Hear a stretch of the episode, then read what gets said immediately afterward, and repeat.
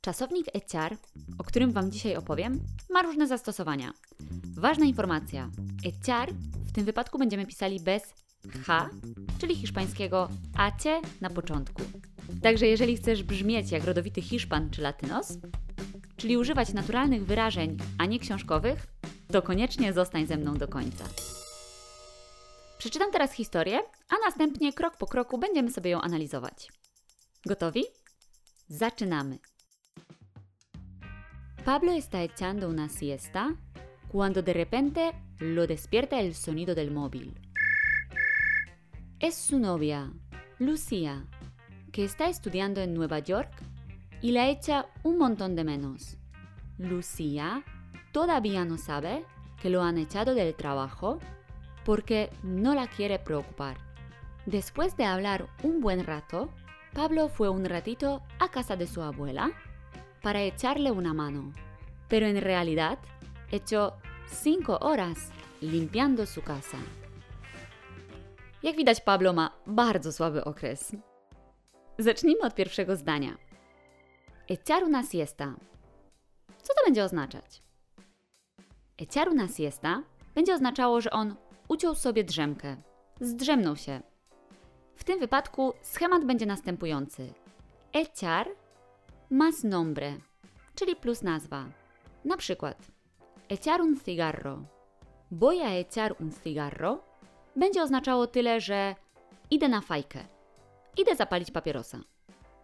Echamos un café? Skoczymy na kawę?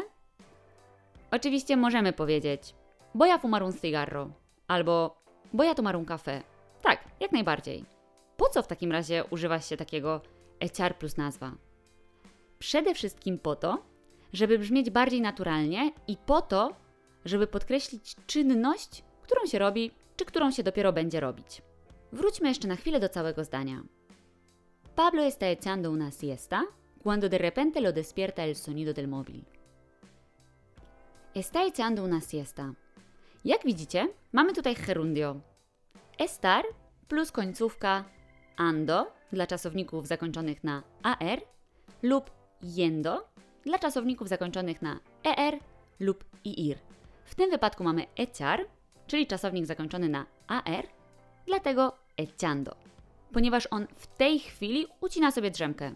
Gdybyśmy chcieli powiedzieć, że on uciął sobie drzemkę w przeszłości, powiedzielibyśmy na przykład Pablo echała una siesta. Hola, hola, hola! Nazywam się Adriana Wisłocka i jestem miłośniczką języka i kultury hiszpańskiej. Jeżeli Was również kręci ten kraj i wszystko, co z nim związane, to koniecznie wpadajcie na moją stronę internetową www.instahiszpański.com oraz na mojego Insta, nazwa ta sama Instahiszpański, po codzienną dawkę hiszpańskiej wiedzy. Natomiast, jeśli chcielibyście zacząć uczyć się języka hiszpańskiego lub w końcu przełamać blokadę w mówieniu po hiszpańsku, to koniecznie napiszcie do mnie maila na kontakt małpa instahiszpański.com. Zdanie numer dwa brzmi tak. Es su novia, Lucía, que está estudiando en Nueva York y la echa un montón de menos. Echar de menos a alguien lub algo będzie oznaczało tęsknić za kimś lub za czymś. Na przykład za rodziną. Echo de menos a mi familia. Czyli tęsknię za moją rodziną, bo na przykład ja w tym momencie jestem w pracy w Hiszpanii, a oni obchodzą urodziny mojego taty w Polsce i nie widzieliśmy się już jakiś czas. A jeżeli chodzi o tęsknotę za jakimś przedmiotem, to zapamiętajcie, że nie używamy tutaj przyimka a, czyli będzie echar de menos algo. Na przykład echo de menos mi perro. Echo de menos mi perro. Czyli tęsknię za moim psem. I znowu, wróćmy jeszcze na chwilę do całego zdania. Es su novia, Lucía, que está estudiando en Nueva York y la echa un montón de menos. Y la echa de menos. Mamy echa, czyli trzecia osoba liczby pojedynczej, el, on, w czasie presente, czyli w teraźniejszym.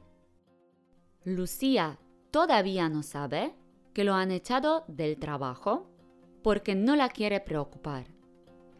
Echar del trabajo, czyli wyrzucić kogoś z pracy. Ponieważ Pablo nie chciał martwić Lucy tym, że wyrzucili go z pracy, pozbawili go stanowiska i tym samym środków do życia, nic jej o tym nie powiedział. Jeżeli ktoś w przeszłości wyrzucił mnie z pracy, mogłabym powiedzieć: Este es el primer año en mi vida que me echaron del trabajo. Este es el primer año en mi vida que me echaron del trabajo. Co dokładnie oznacza, że to jest pierwszy raz w życiu, jak wyrzucili mnie z pracy. I tutaj tak samo. W zdaniu mieliśmy lo han echado del trabajo, z czego wiemy, że zdanie to zostało napisane w preterito perfecto, bo mamy an i końcówkę ado. Después de hablar un buen rato, Pablo fue un ratito a casa de su abuela para echarle una mano. Echar una mano. Jest to zdanie, które ja osobiście bardzo często słyszę w Hiszpanii i które oznacza pomagać, podawać pomocną dłoń. Jeśli wydaje się nam, że ktoś będzie potrzebować naszej pomocy, możemy mu powiedzieć: Cuando me necesitas, llámame y te echaré una mano. Cuando me necesitas, llámame y te echaré una mano. Czyli kiedy będziesz mnie potrzebować, zadzwoń i ci pomogę. I mamy tutaj jeszcze echarle una mano. Echarle una mano.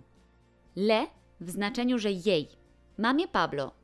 Mamy tutaj celownik, pomagać komu czemu jej, zatem musi być le. A czy Wam ten odcinek pomaga w nauce hiszpańskiego, czy jednak nie za bardzo? Koniecznie dajcie znać w komentarzach, czy pomaga, czy nie. Czy uczycie się tutaj nowych rzeczy, czy raczej wszystko wylatuje z głowy? Pero en realidad, hecho cinco horas limpiando su casa. Echar cinco horas haciendo algo będzie oznaczało spędzić 5 godzin na robieniu czegoś. W przypadku Pablo w sprzątaniu domu babci. Możemy oczywiście zamienić tą piątkę na jakąkolwiek inną godzinę i też będzie ok.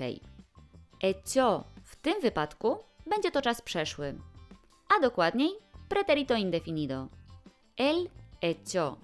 Mogę na przykład powiedzieć Los sábados echo muchas horas viendo las series en Netflix. Los sábados echo muchas horas viendo las series en Netflix. Czyli w soboty spędzam dużo czasu, wiele godzin na oglądaniu seriali na Netflixie. I teraz uwaga. Akcent w poprzednim zdaniu mamy na o. Hecho. El hecho. Czyli czas przeszły. Przeszłość. A tutaj mamy hecho. Yo hecho, czyli teraźniejszość.